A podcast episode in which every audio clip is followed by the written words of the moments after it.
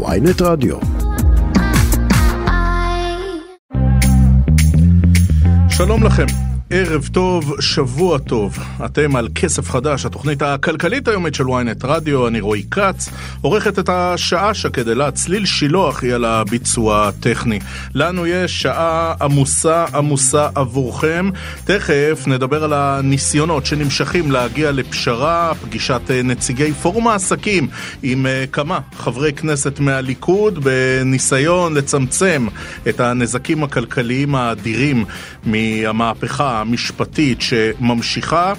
אה, נדבר בנקאות, נדבר קרדיט סוויס השוויצרי, נערך להחלטת הריבית בארצות הברית ביום רביעי הקרוב.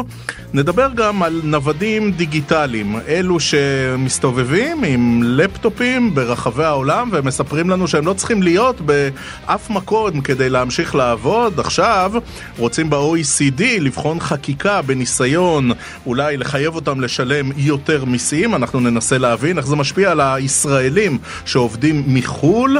נדבר גם על ההייטק הישראלי שממשיך להתכווץ, אה, הביקוש לעובדים יורד, מספר דורשי העבודה עולה, ולקראת סוף השעה נדבר על המאבק.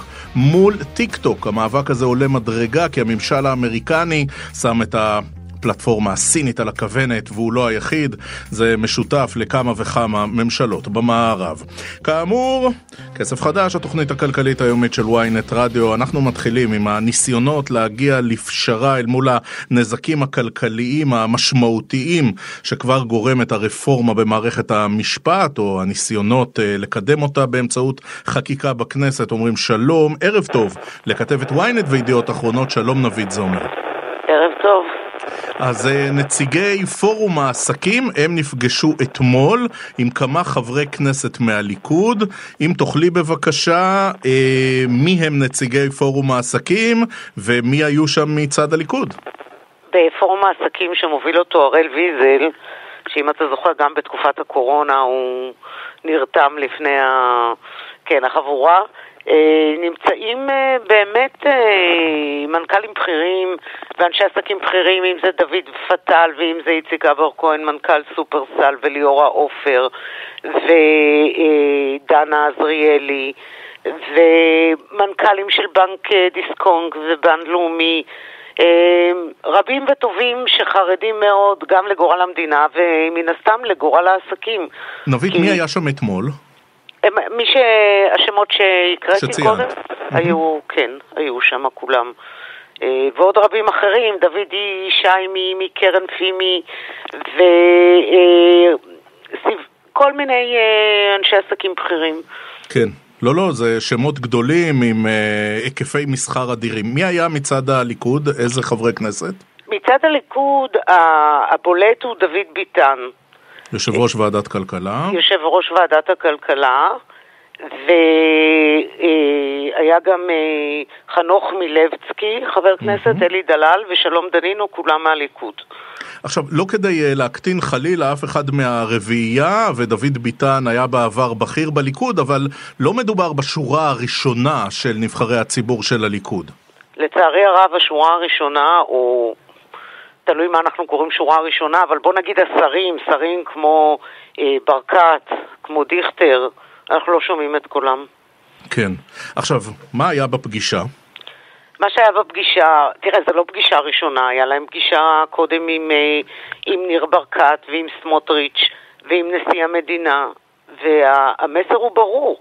ככל שהנושא הזה לא נפתר, הכלכלה נפגעת, הכלכלה כבר נפגעת. והם מתריעים בפני זה, הם מתריעים בפני ההשלכות האלה שיכולות להיות בלתי הפיכות, אם זה בריחת משקיעים, אם זה בריחת הון, אם זה פגיעה בהייטק ש... בואו, הקטר של אה, כלכלת ישראל, 50% מההכנסות זה מההייטק.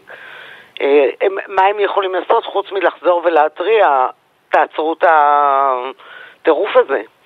עכשיו, סליחה על הש... על השאלה, אבל uh, מה בדיוק הייתה, הופה, נכנס איזה שיר שם, uh, מה, מה הייתה האווירה בפגישה? מפני שאנחנו רואים הרבה מאוד קיטוב, בטח uh, שיח ברשתות החברתיות וגם ברחוב, אבל בפגישה שם, איך תיארו את האווירה? תראה, אני הבוקר דיברתי עם כמה מאלה שהיו נוכחים, והם יצאו בתחושה מאוד כבדה. אני ציפיתי לשמוע בשורות אופטימיות, אתה יודע שחברי כנסת בליכוד יגידו, רגע, אנחנו עושים חשבון נפש, אנחנו עוצרים לרגע, אנחנו דורשים לעצור, זה לא מה שהתרשמתי. באמת יצאו ככה די מדוכאים. התחושה היא שהם לא יודעים איך לרדת מהעץ. זאת אומרת, ברור לכולם שביבי הוא המחליט, ו... והם לא כל כך יודעים איך, ולצערי הרב, אחד המשפטים החוזרים זה, אנחנו מחויבים לבייס שלנו. כאילו המחויבות לבייס היא מעל ומעבר לכל, וגם מעבר למדינה שמתפרקת פה. אז אה, הם, הם פנו, הם פנו, חברי הכנסת פנו לנוכחים, לעזור להם למצוא איזה פתרון שייתן להם תמונת ניצחון. זאת אומרת, אמרו להם, תביאו לנו את גנץ ולפיד לגרסה מרוככת, ונגיע איתם לגרסה מרוככת. אבל אנשי העסקים ענו להם, אנחנו לא פוליטיקאים, זה לא תפקיד שלנו להביא. אנחנו פה להתריע שעוד רגע יהיה מאוחר מדי. כן. עכשיו, אה, אמרנו בתחילת השיחה שחברי הכנסת, ארבעת חברי הכנסת של הליכוד, הם כן. בנקודת הזמן הנוכחית לא הפוליטיקאים הבכירים ביותר של הליכוד, וגם לא הפוליטיקאים של הליכוד שמתעסקים עם הרפורמה המשפטית. אני חייבת להגיד שביטן, אבל לזכותו, הוא יחיד שאמר את זה, אמר את זה בסוף שבוע, אמר את זה היום בבוקר בריאיון לגלי צה"ל. שכן קורא לעצור את זה נכון. ולנסות אה, למצוא משהו. נכון, אה, דוד ביטן הוא בהחלט אה, עם עמדה שאומרת, הוא, הגם שהוא אומר, אני נכון תומך ברפורמה המשפטית. הוא זה שאומר שצריך uh, לעצור. אבל אנחנו, ישנם uh, שרים בממשלה שמכירים היטב את הכלכלה הישראלית, נגיד ישראל כץ, וישנם שרים בממשלה שמכירים היטב את תעשיית הטכנולוגיה הישראלית. נגיד שר הכלכלה ניר ברקת, ו... משם מגיעה... בהייטק. מגיעה איזושהי אמירה משמעותית משם? אני קוראת לזה שתיקת הכבשים. אין, אין, אין מילה אחרת לומר. אה, בשיחות פנימיות שהוא ערך עם אותו מפגש עם אנשי עסקים, mm-hmm. אה, הם התרשמו, או לפחות הם טוענים שהוא אמר, אה, שהוא מודע לזה שיש פגיעה בשמו כי הוא לא מדבר, אבל הוא פועל מאחורי הקלעים, וכשהוא יהיה ראש ממשלה הוא ישנה את החוקים. כשניר ברקת יהיה ראש ממשלה. כן, כן. אה, טוב. wishful thinking. כן. כן, wishful thinking כמו שאומרים, ובוא נגיד שאם אנחנו נבנה על uh, תחזיות עתידיות או איזה שהם תסריטים uh, עתידיים מהסוג הזה, אז uh, לא בטוח שאנחנו נגיע לפתרון הולם. כן. אה, נבית, ברשותך אה, נושא אחר. אה, אנחנו רואים את ההתקדמות של חקיקת חוק החמץ, הוא אולי אפילו יאושר כן. השבוע, ובינתיים יאנגו דלי, חברת יאנגו דלי, היא מה, היא פותחת לקראת פסח קטגוריית חמץ לצד כן, קטגוריה כן. לשומרי כשרות? כן. הם פשוט, יש, יש הרי את האפליקציה של יאנגו דלי, חייבים להגיד לזכותם שזו חברת המשלוחים של מוצרי אה, מזון שתוך 20 דקות מגיעה, וזה באמת אה, הישג מבחינת הנוחות, אבל אנחנו עדיין חברה חילונית, והם עובדים בעיקר בגוש דן. ואני מניחה שהם יודעים לחוש את הלקוחות שלהם ומי הלקוחות שלהם ומה הם מעדיפים. ולכן לכל אלה שהם אה, לא מקפידים, כן, ככה הם מכונים, לא מקפידים, הם נותנים את האופציה שדרך אגב, אה, זו אופציה שהיא לא זמינה בזמן אה, פסח. זאת אומרת, אתה צריך להגיע רק לרשתות לא כשרות, מיוחדות, זה לא כזה נגיש. אז מבחינה זאת, מי שבאמת אה, ממשיך לצרוך פליטים, פסטה וכל השאר בתקופת חול המועד, אז כן, זה בשבילו פתרון. אבל יכול להיות נבית שיאן גודלי מזהה פה, מזהה פה... צורך. בתור, בצורך, ומזהה גם בהפגנות או במחאה, לא רק משהו שהוא נגד רפורמה משפטית, אלא ממש... מחאה חילונית, חופשית ליברלית, שאפשר וצריך לתת לה מענה. תשמע, אולי יש להם איזה בינה מלאכותית שיודעת אה, לנתח ולזהות מה רוצה הציבור. אה, כן, תשמע, הקהל שלהם הוא קהל אה, תל אביבי, רובו חילוני, אה, קהל שהם מניחים שצורך את המצרכים האלה, ולכן הם מנגישים לו אותם. אה, אני... ואותה בינה מלאכותית שקשורה לאותה אה, תל אביב, מה, היא התחילה לפעול זה לא גם... רק תל אביב, אני חייבת להגיד את היא זה. התחילה לפעול גם ב-7-11 בשקט בשקט? רגע, קודם כל לזכותה של אה, אה, דלי ינגו, כרגע הם בתל אביב, אבל לא רק, כי למשל בכפר סבא, רעננה, כל אזור השרון הם נותנים גם שירות. Mm. אה, אני לא, הם, תראה, הם היו מסתוריים מההתחלה, השאירו מעורפל את עניין השבת, כששאלנו בפתיחה האם זה יהיה פתוח בשבת, כי הרי ידוע שבעולם זה עובד 24 שעות אה, מסביב לשעון. לא הצלחנו לקבל תשובה מלבד משהו מעורפל, נתחשב בזמן, בשעה, ב, אתה יודע, כמו התשובות של הצבא. נגיב בזמן ה... כן, ממשלת ישראל תגיב המתאים. במקום ובזמן המתאים. כן. כן, אבל תכלס באנו בשבת אחרי הפתיחה והיה סגור וככה בשבת אחריה. זאת אומרת, אה, בפועל הרשת הייתה סגורה בשבת, כרגע זה סניף אחד, כן? אה, זה הסניף הראשון. כן, אותו 7-11 בדיזינגוף סנטר, נכון? סנטר, כן, שדרך אגב הוא באמת חווייתי והוא באמת מביא בשורה וחדשנות והכל טוב ויפה. ושבת אחרונה בארבע היה פתוח. עכשיו, היה מישהו שאמר לי מהמקורבים, אז אולי פתחנו קצת לפני צאת השבת, רק שצאת השבת היא בשבע וחצי. בדיוק. אז זה קצת הרבה. לפני, כן. אה, תשמע, כנראה שהציבור הרי מסביב לדיזנגוף סנטר רובו הוא באמת ציבור חילוני, וזה אזור שהוא נחשב, אה, כיכר דיזנגוף הומה ומלאה בשישי ובשבת, ואני מניחה שההזדמנות העסקית, כשזה פתוח, אה, גברה על, ה... על השיקולים או על החששות, אבל עדיין צריך לראות, הם הולכים לפתוח עוד איזה שישה סניפים בתל אביב, עוד אחד בשבוע הבא ברחוב הארבעה אם אני לא טועה, וצריך לראות אם אה, גם שם יישמו את זה. את ה... הכל, הכל, הכל מענה לצורך. גם 7-11 שהחלה לפעול בשקט ובזהירות אה, בשבת, וזו ידיעה שלך שעולה עכשיו באתר ynet. גם יאנגו דלי שפותחת לקראת פסח קטגוריית חמץ מיוחדת. הכל מענה לצורך. עכשיו נותר לנו רק לקוות שגם הפוליטיקאים שלנו יצליחו להבין את זה. צורך, כן. בדיוק. נבית זומר, כתבת ynet, ידיעות אחרונות. תודה, תודה רבה. תודה רבה, טוב. ביי. אנחנו מזכירים לכם שאם אתם רוצים להאזין לנו בהאזנה מאוחרת לכל התוכניות, לכל הרעיונות של כסף חדש, אתם עושים את זה במתחם הרדיו באתר ynet, אנחנו כל הזמן שם. ואם אתם רוצים, אנחנו נמצאים גם באפליקציות הפודקאסטים המובילות. אתם מחפשים כסף חדש בשורת החיפוש, ואז אתם יכולים להאזין לנו בכל זמן, בכל מקום, בכל מכשיר. אם אתם מאזינים לנו כפודקאסט, בבקשה, דרגו אותנו, זה חשוב לנו, זה גם מחמיא לנו, ותלחצו עוקב על מנת לקבל עדכון לכל תוכנית חדשה שעולה. תכף נדבר בנקאות, תכף נדבר על נוודים דיגיטליים, האם הם ישלמו יותר מיסים, ב-OECD בוחנים את זה, נדבר גם על ההייטק הישראלי שלצערנו ממשיך להתכווץ כי הביקוש לעובדים יורד ומספר דורשי העבודה עולה, וגם נדבר על טיק טוק, מפני שהממשל האמריקני שם את הפלטפורמה הסינית על הכוונת שלו בגלל הקשר שלה לממשל הסיני, הכל הכל אחרי קצת מוזיקה. בואי נשתנה, נשנה כיוון, נחפש הווה כשהיום עבר. בואי וניקח את שנינו ונברח אלינו, בואי נישאר פתוחים לאהבה.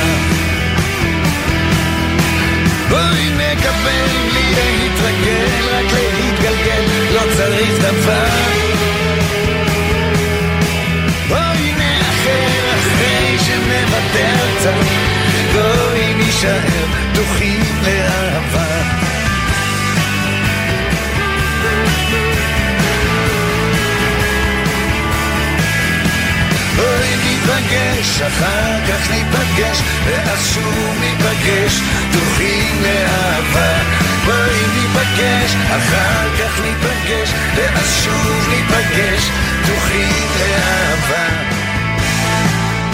כסף חדש, התוכנית הכלכלית היומית של ynet רדיו, אנחנו ממשיכים. סוכנות בלומברג אה, מדווחת כי בנק קרדיט סוויס הוא דחה הצעה שהגישה המתחרה שלו, UBS, לרכישה של קרדיט סוויס תמורת אה, מיליארד דולר, והוא גם אה, מקבל אה, גיבוי מבעלי המניות. אה, אנחנו רוצים לדבר על אה, שבוע סוער מאוד בשוק הבנקאות העולמי. אומרים שלום, ערב טוב, אורי גרינפלד. ערב טוב. האסטרטג הראשי של פסגות בית השקעות.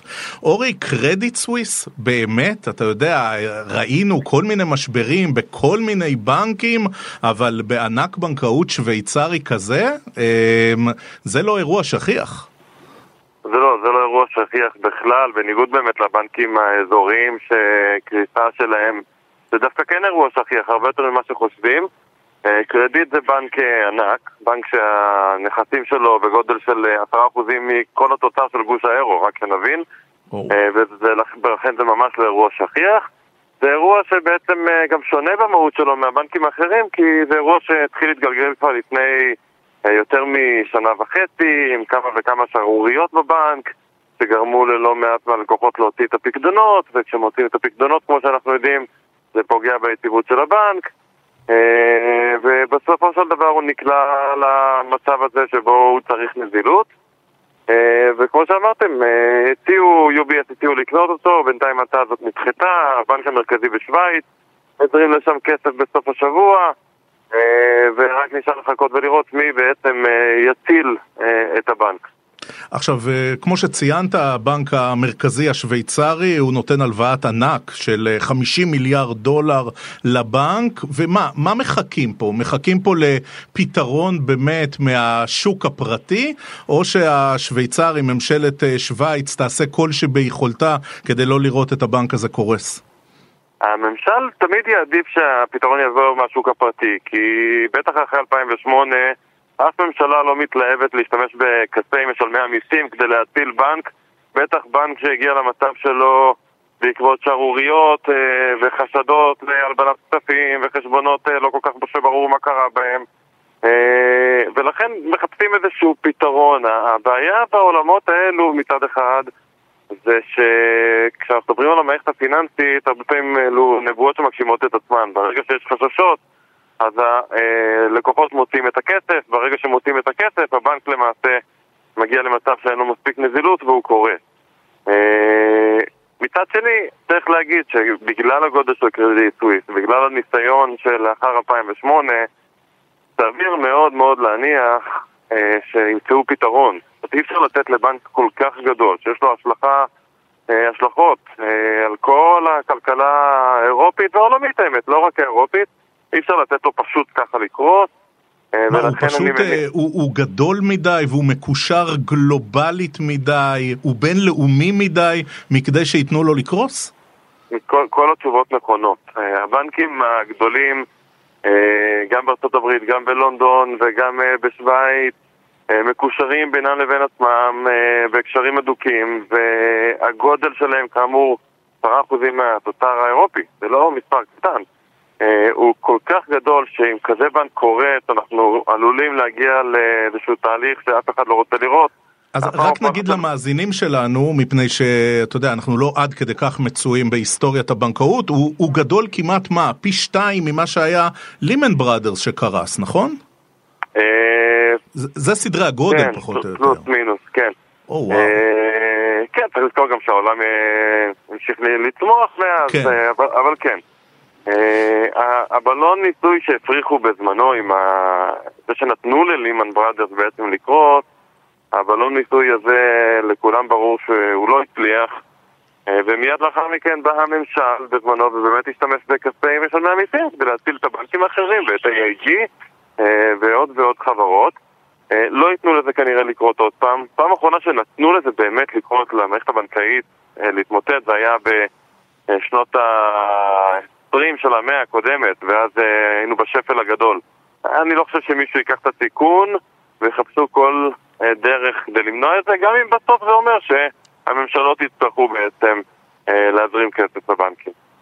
עכשיו, זה בעצם, אה, ביידן היה הראשון, ועכשיו גם השוויצרים אה, משרטטים פה את המודל, נכון? זה, אם זה גדול, אם זה משמעותי, אה, שם זה הטכנולוגיה, פה זה כמובן עולם הפיננסים. אצל קרדיט סוויס, בסוף הממשלות יכניסו יד לכיס ו- ו- ויעשו שם איזשהו סדר, לפחות ברמת הביטחון ל- ללקוחות. כן, ההבדל הגדול בין מה שבאמת אה, ראינו בארצות הברית, בנקים כמו או SVB, סיליקון ואלי בנק, לבין קרדיט סוויס זה שסיליקון ואלי בנק הוא מה שנקרא בנק אזורי. זאת אומרת, הוא בעיקר עוסק בפקדונות והלוואות, ואין לו את כל מגוון הפעילויות כמו שיש לבנקים הגדולים, של השקעות וחיתום ועוד המון המון פעילויות. אה, ולכן ברמה העקרונית, כזה בנק, אם הוא קורס, אה, כל עוד הפקדונות של אה, הלקוחות מבוטחים, וזה בעצם כבר הבטיחו לנו האמריקאים, אז אין פה איזשהו סיכון מקרו-כלכלי. ולכן בנקים האלה קורסים, צריך להגיד, ב-2019 היו ארבעה בנקים אזוריים שפשטו רגל, וב-2018 היו כמה, וזה כשהכלכלה נראית קצת פחות טוב, ובעיקר כשהריביות עולות. צריך להבין את המשמעות של הריבית עולה. הרי בנק נותן הלוואות לטווח ארוך, בריבית קבועה בדרך כלל, נגיד הלוואה ליזם שרוצה לבנות בניין, ואת הכסף בעצם כדי לכסות את ההלוואה הזאת הוא לוקח פקדונות מהציבור. פקדונות הן בדרך כלל לטווח קצר. כשהריבית על הפקדונות עולה, המשמעות היא בעצם שהבנק משלם יותר על הכסף שהוא מגייס ומקבל פחות מההלוואות שהוא נותן, זאת אומרת יש לו מודל עסקי שנותן הפסד בהגדרה. או במילים אה, פשוטות, אפשר להגיד גם לסיליקון ואלי בנק וגם לקרדיט סוויס, בכל הצניעות, בואו תלמדו מבנקים ישראלים איך עושים כסף על הפער, במיוחד בתקופה כזו של ריבית גבוהה, בין אה, פקדונות לבין... אה, כן, הרבה מיליארדים פה הם עשו בשנה האחרונה. מודל אחר לגמרי, הבנקים, בטח הבנקים האזוריים בארצות הברית והבנקים בישראל. זה פשוט מודל עסקי אחר. אה, וכן, פה בישראל אנחנו רואים במשך שנים שגם בתקופות של האטה אה, הבנקים אולי מרוויחים פחות אבל ממשיכים להרוויח יפה אבל יש להם עוד הרבה פעילויות, צריך להגיד, מעבר לפקדונות והלוואות. כן. אורי גרינפלד, אסטרטג ראשי, פסגות בית השקעות. אורי, תודה, תודה רבה על הסקירה. ערב טוב. תודה רבה. אנחנו אה, עוברים לתופעת הנוודים הדיגיטליים. ב-OECD בוחנים חקיקה בנושא ורוצים שהם ישלמו יותר מיסים. אנחנו רוצים להעמיק בעניין הזה, אומרים שלום, ערב טוב, לעורך הדין, לרואה החשבון איתן אסנפי, הוא מומחה למיסוי ישראלי ובינלאומי, הוא, והוא גם מחבר, שותף של הספר מיסוי בינלאומי, הדין בישראל. ערב טוב לעורך הדין אסנפי. ערב טוב רועי.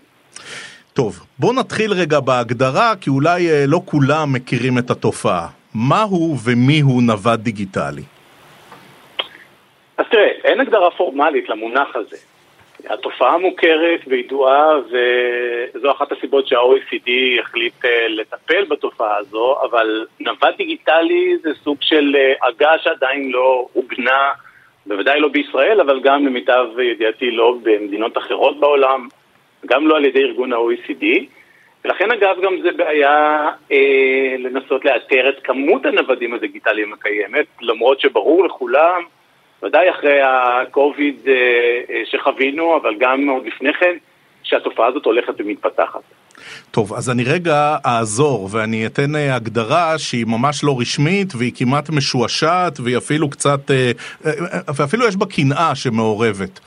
מדובר באותם אנשים שאומרים, תקשיבו, אני יכול לפתוח לפטופ באיזה מקום בעולם שאני רוצה, זה יכול להיות אפילו ריזורט בתאילנד, ולעבוד בעיקר בתעשיית הטכנולוגיה, אבל לא רק מהיכן שאני רוצה. ואז נשאלת השאלה, נגיד ישראלי כזה, שעובד מחו"ל, מעלה תמונות באינסטגרם, ואנחנו אכולי קנאה, למי הוא משלם מס?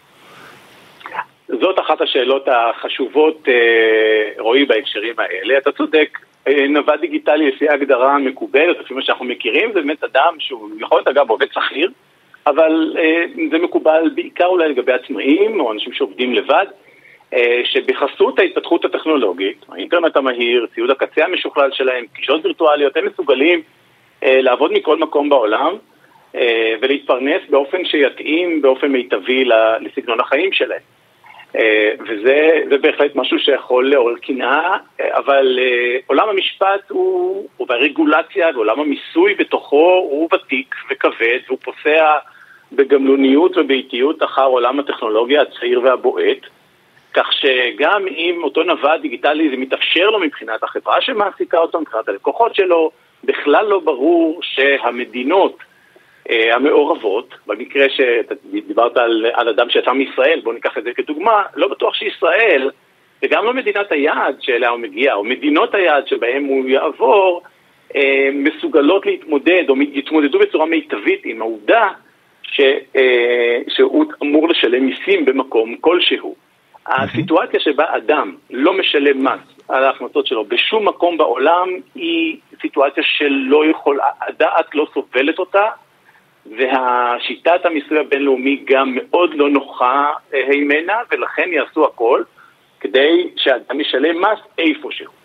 עכשיו, רואה החשבון הסנאפי, אם אה, ה-OECD שם את זה עכשיו על הכוונת, מה זה מלמד? שגם התופעה היא מאוד מאוד רחבה, וגם סביר להניח שהאנשים האלה, הם כנראה מרוויחים לא רע, כי הרי סביר להניח שארגון כזה לא היה שם אותם על הכוונת אם היה מדובר בפרוטות.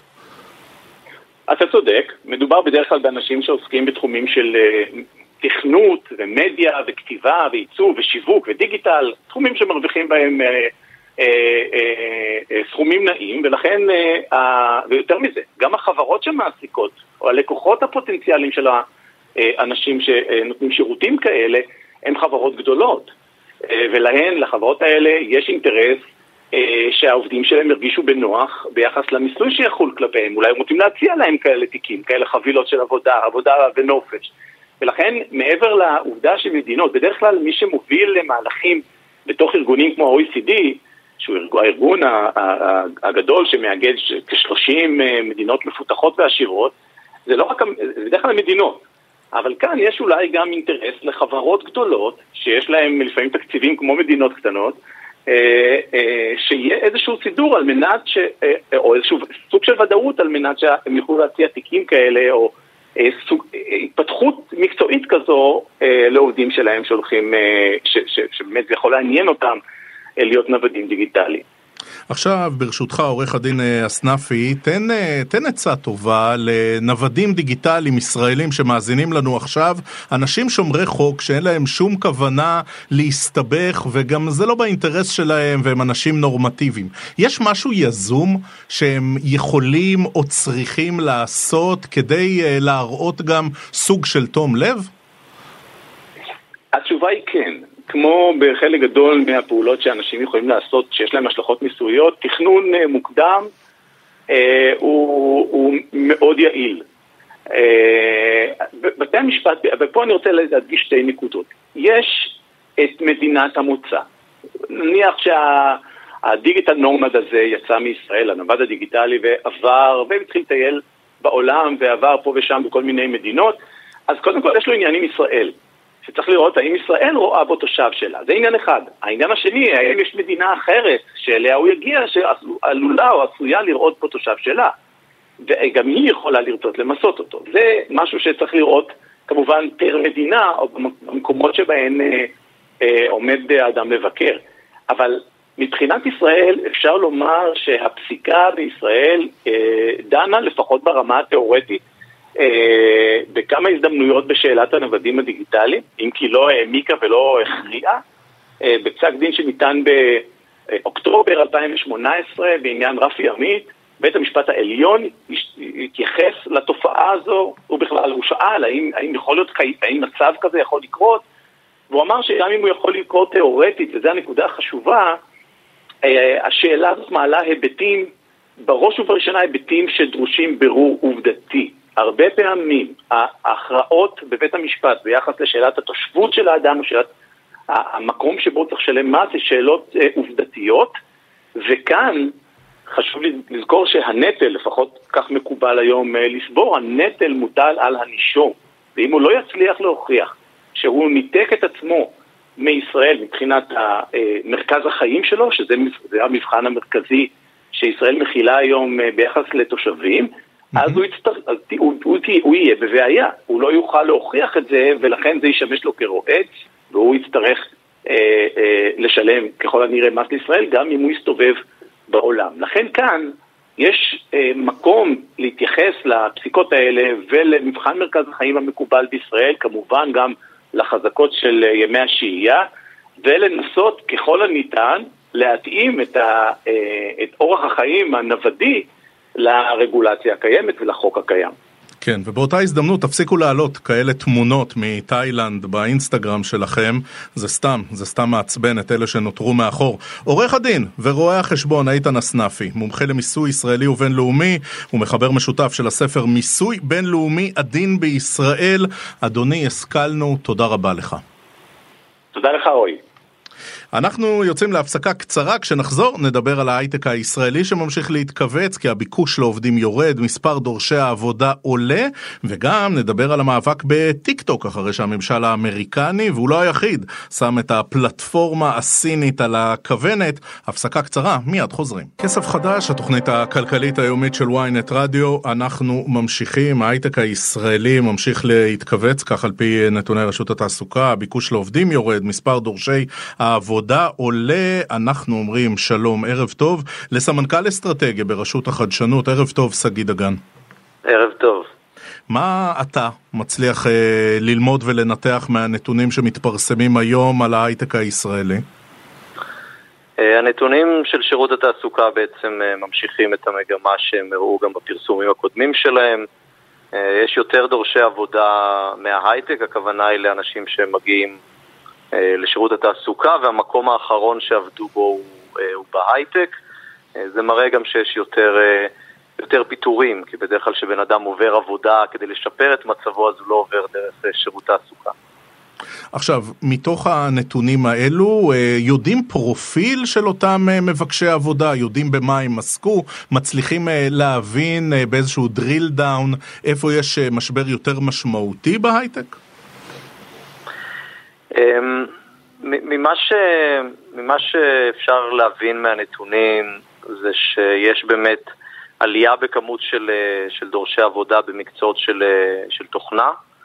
אמ, מצד שני, חשוב גם, גם לזכור שזה מקצועות שיש מחסור מאוד גדול של אנשים, ככה שהביקוש, ויש לנו את הנתונים של הלמ"ס שגם כן פורסמו היום, אה, הביקוש הוא עדיין, אה, הוא עדיין גבוה.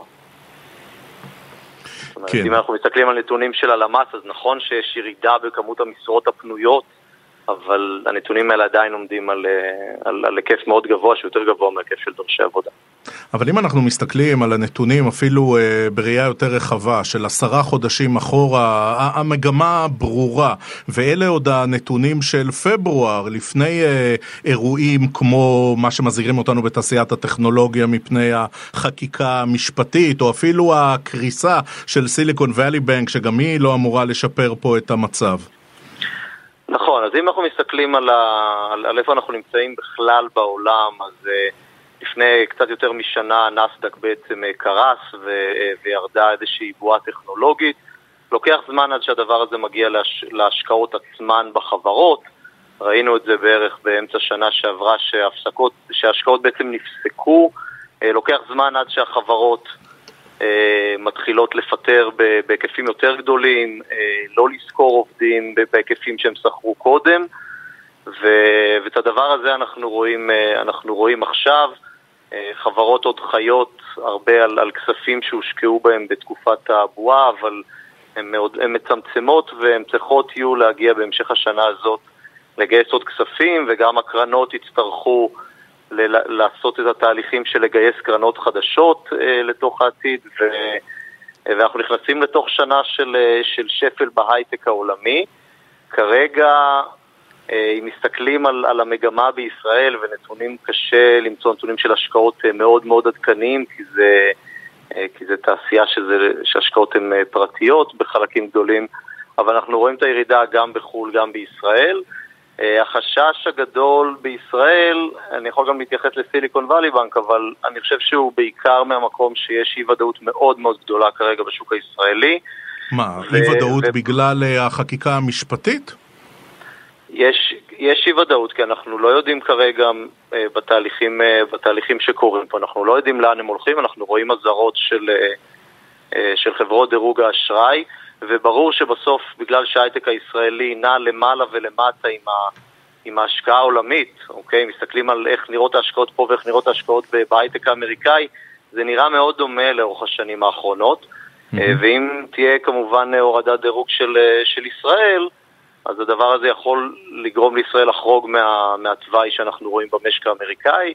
ואם נקבל פחות מהשקעות הון הסיכון העולמיות, אז הדבר הזה ישפיע בצורה משמעותית לא רק על ההייטק הישראלי, אלא, אלא בכלל על הכלכלה הישראלית. אני מזכיר שההייטק הוא 18% מהתוצר, זה בעצם אומר שרבע מהפעילות העסקית בישראל היא הייטק, רבע מהתוצר העסקי, מעל חצי מהייצוא, ואם תמיד ציטטנו את המספרים שאומרים שההייטק הוא רבע מהמיסוי, אז אני מזכיר שזה היו מספרים של 2018, אנחנו מעריכים שהנתונים העדכניים זה יותר קרוב לאזור השליש.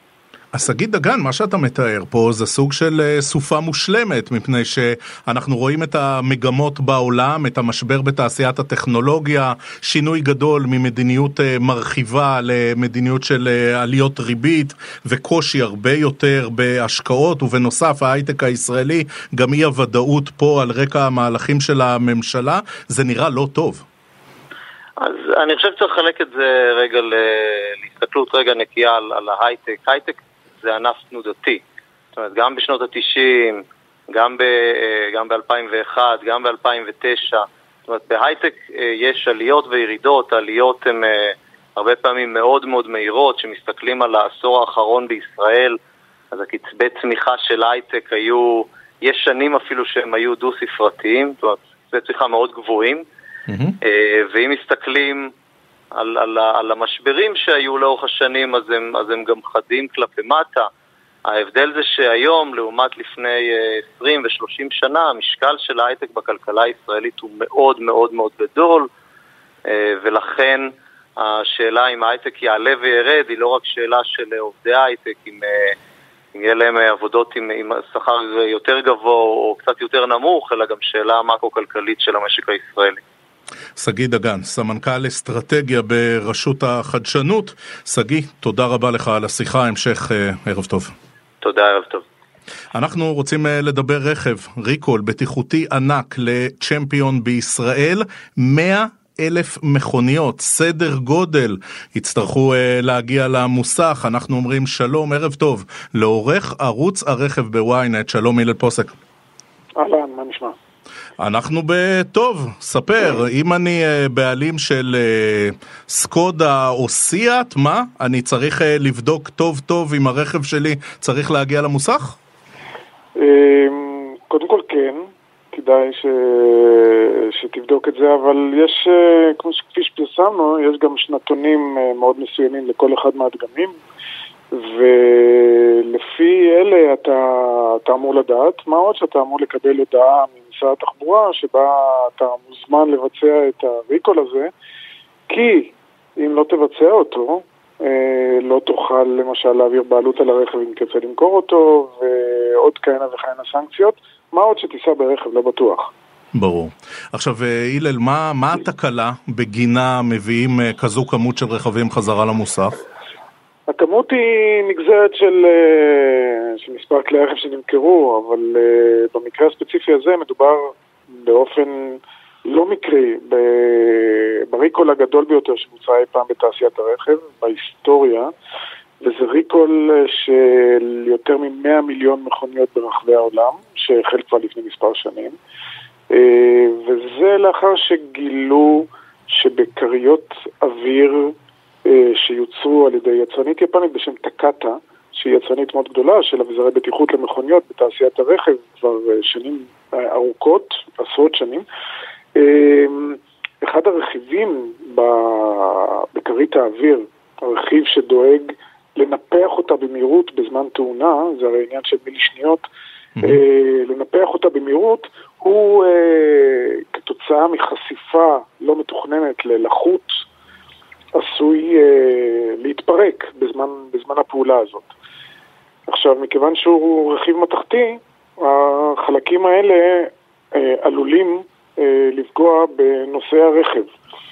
ולמען האמת, במהלך השנים אה, גם זה גרם למותם של אה, 24 בני אדם, אה, לפציעתם של רבים, אה, בארצות הברית בעיקר, אבל mm-hmm. לא רק. ו... ולכן זה ריקול סופר בטיחותי, מה שנקרא. אתה לא רוצה שזה יקרה באוטו שלך. עכשיו, אה, הרשימה המלאה של כל הדגמים שיוזמנו לתיקון ושנות הייצור הרלוונטיות, זה ממש עכשיו באתר ynet.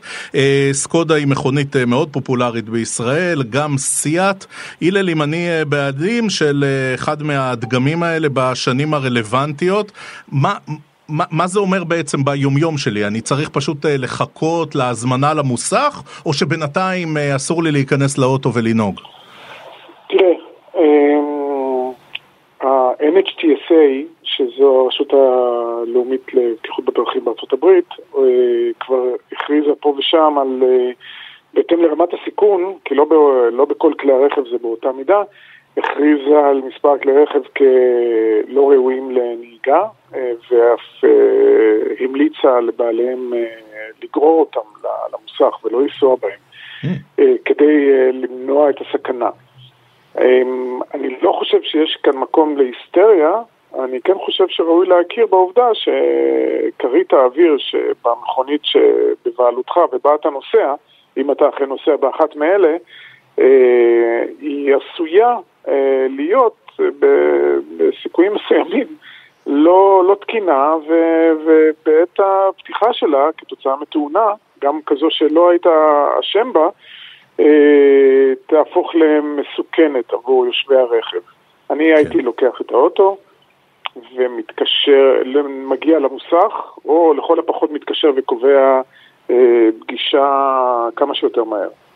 הלל פרוסק, עורך אה, ערוץ הרכב בוויינט, תודה, תודה רבה לך על השיחה, תודה הלל. ערב טוב ובטוח. אנחנו יוצאים לשיר קצר, ואז חוזרים על המאבק בטיקטוק שעולה מדרגה אחרי שהממשל האמריקני, והוא לא היחיד, שם את הפלטפורמה הסינית הכל כך פופולרית על הכוונת. קצת מוזיקה מיד, חוזרים.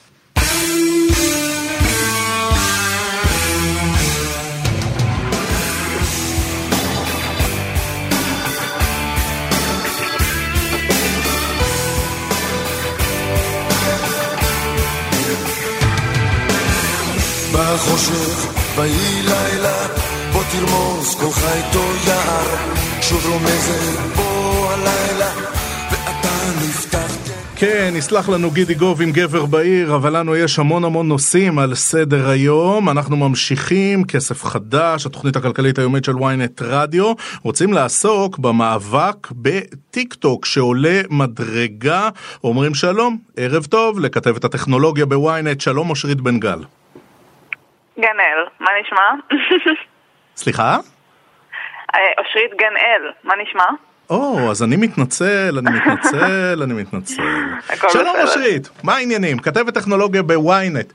אמ, שאלה לי, הנושא הזה של הקשר בין טיק טוק לבין אה, הממשל בבייג'ינג, זה נושא שכבר עסקו בו הרבה הרבה.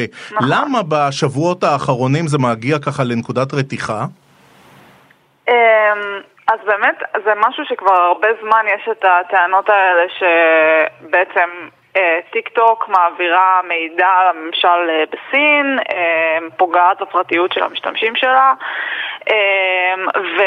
וכבר ראינו בעבר הרבה שיח על זה בעיקר בארצות הברית פתאום באמת יש איזה גל מאוד מאוד גדול של הרבה מדינות שמתחילות לעשות צעדים נגד זה, חוץ מארצות הברית. זה לא לגמרי ברור, יכול להיות שמאחורי הקלעים יש איזשהו מאמץ אמריקאי. אה, אבל באמת פתאום אנחנו רואים הרבה צעדים בשטח נגד הפלטפורמה הזאת. עכשיו, הכוונה היא שמה? שמתישהו הפרטים של המשתמשים יגיעו לממשל הסיני, הכוונה היא שאולי אה, פקידי אה, מדינה, זאת אומרת טלפונים פדרליים שיש עליהם טיק טוק ישמשו לדברים אחרים. מה הזיקה בין טיק טוק לממשל הסיני? איך היא באה לידי ביטוי אצל היוזרים? אז בעצם טיק טוק היא בבעלות של חברה סינית שקוראים לה ByteDance. אה, והחשש במערב הוא שמהסיבה הזאת יכול להיות שטיק טוק מעבירה אה, פרטים לממשל הסיני ובעצם ממש משמשת בתור סוג של אה, כלי ריגול בידיים שלו מצד אחד, שזה יכול להיות באמת פרטים אישיים לגבי המשתמשים, לגבי ההתנהגות שלהם ברשת, דפוסי הצריכה שלהם, מידע דמוגרפי, כל דבר כזה. אה, ומנגד גם יש את החשש שבעצם אנחנו יודעים שברשתות החברתיות אתה לא בדיוק קובע בעצמך מה התכנים שאתה תיחשף אליהם, נכון? יש איזשהו אלגוריתם mm-hmm. שבעצם מחליט אה, איזה תכנים הוא מתעדף לך ומה הוא מציג לך. אה, אז יש גם חשש שבעצם זה, בדרך הזאת סין יכולה להשפיע על המערב אה, ולקדם את הערכים שלה. מה, ממש אלגוריתם להנדסת תודעה? אה, כן, אפשר להגיד. עכשיו באמת, אה, יש פה שתי חזיתות, אפשר להגיד. מצד אחד, זה באמת כל הנושא הזה של הטלפונים המכשירים בעצם הממשלתיים, שזה משהו שאנחנו רואים אה, ממש על המדרגה לאחרונה, שבעצם גם בארצות הברית וגם בקנדה וגם ברשויות אה, של האיחוד האירופי, אבל גם במדינות באירופה כמו סקוטלנד ובלגיה וגם בניו זילנד, בעצם חוסמים, אומרים אה, שטלפונים ממשלתיים אסור שיהיה עליהם טיק טוק. זאת אומרת, בעצם הפלטפורמה הזאת מוחרמת מטלפונים של... אה, אה, בחלק מהמקומות זה פרלמנט, בחלק מהמקומות זה ממשלה, זה משתנה. מה שקורה בארצות הברית זה שמעבר לזה, אה, יש עכשיו איזושהי אה, דרישה בעצם ש ByteDance תמכור את החלק שלה, אה, תמכור בעצם את טיק טוק, או שבארצות הברית היא בעצם תחסם לחלוטין. לא רק במכשירים של, אה, שקשורים לממשל, אלא בכלל, זאת אומרת גם אצל בני אדם פרטיים. עכשיו, מה, מה עונים בחברת האם של טיק טוק ומה אומרים אה, בשלטון בבייג'ינג? אז אה, זה הכחשה גורפת, בעצם אנחנו כבר שנים רואים את ההכחשה הגורפת הזאת, בטיקטוק אומרים שהיא עצמאית, אמ, שאין, אה, שגם המידע על המשתמשים בכלל לא נשמר בשרתים בסין, אלא במדינות אחרות, ובעצם למשל בסין אין גישה אליו. אמ, זה ככה בחברה עצמה, ו- ובממשל הסיני גם, כמובן שמכחישים את זה, ואפילו טוענים שזה איזה סוג של ניסיון אה, לדכא תחרות. שבעצם רוצים בארצות הברית שהחברות האמריקאיות, אה, רשתות חברתיות אמריקאיות, ימשיכו להיות המצליחות ביותר. וההצלחה המטורפת של טיקטוק שראינו בשנים האחרונות זה בעצם איזשהו ניסיון אה, לעצור אותה. עכשיו אושרית, אם אנחנו מדברים על ההצלחה המטורפת של טיק טוק, זה לא נעצר לא בארצות הברית ולא בקנדה ולא באיחוד האירופי, זה גם פה אצלנו בישראל. נכון. איך זה משפיע עלינו? אה, האם מתישהו גם אנחנו נידרש לנושא הזה? אמ, אז אה, באמת אה, קשה לדעת, אה, אנחנו פנינו למשרד התקשורת וכרגע לא קיבלנו שום תגובה. כי אנחנו יודעים אז... שנגיד על טלפונים של חיילים יש טיק טוק והם גם פעילים בזה מאוד. אין כרגע גם שום איסור באמת על חברי כנסת, בשרים בממשלה, כל דבר כזה, אין כרגע איסור להוריד טיק טוק. אה, לא ידוע אם ישראל אה, מתכוונת להצטרף לגל הזה, כרגע בארץ אה, לא רוצים להגיד שום דבר רשמי בנושא הזה. אושרית גנאל, כתבת טכנולוגיה בוויינט, תודה, תודה רבה על הסקירה. תודה אושרית, ערב טוב. תודה. אנחנו מסכמים את כסף חדש להערב, מיד אחרינו דודו ארז ויואב רבינוביץ' עם סיכום היום. דן רבה, אני אהיה איתכם מחר. נגיד תודה לצליל שילוח שהייתה על הביצוע הטכני, שקד אילת ערכה אותנו. המשך האזנה נעימה, שיהיה לכם המון המון כסף חדש.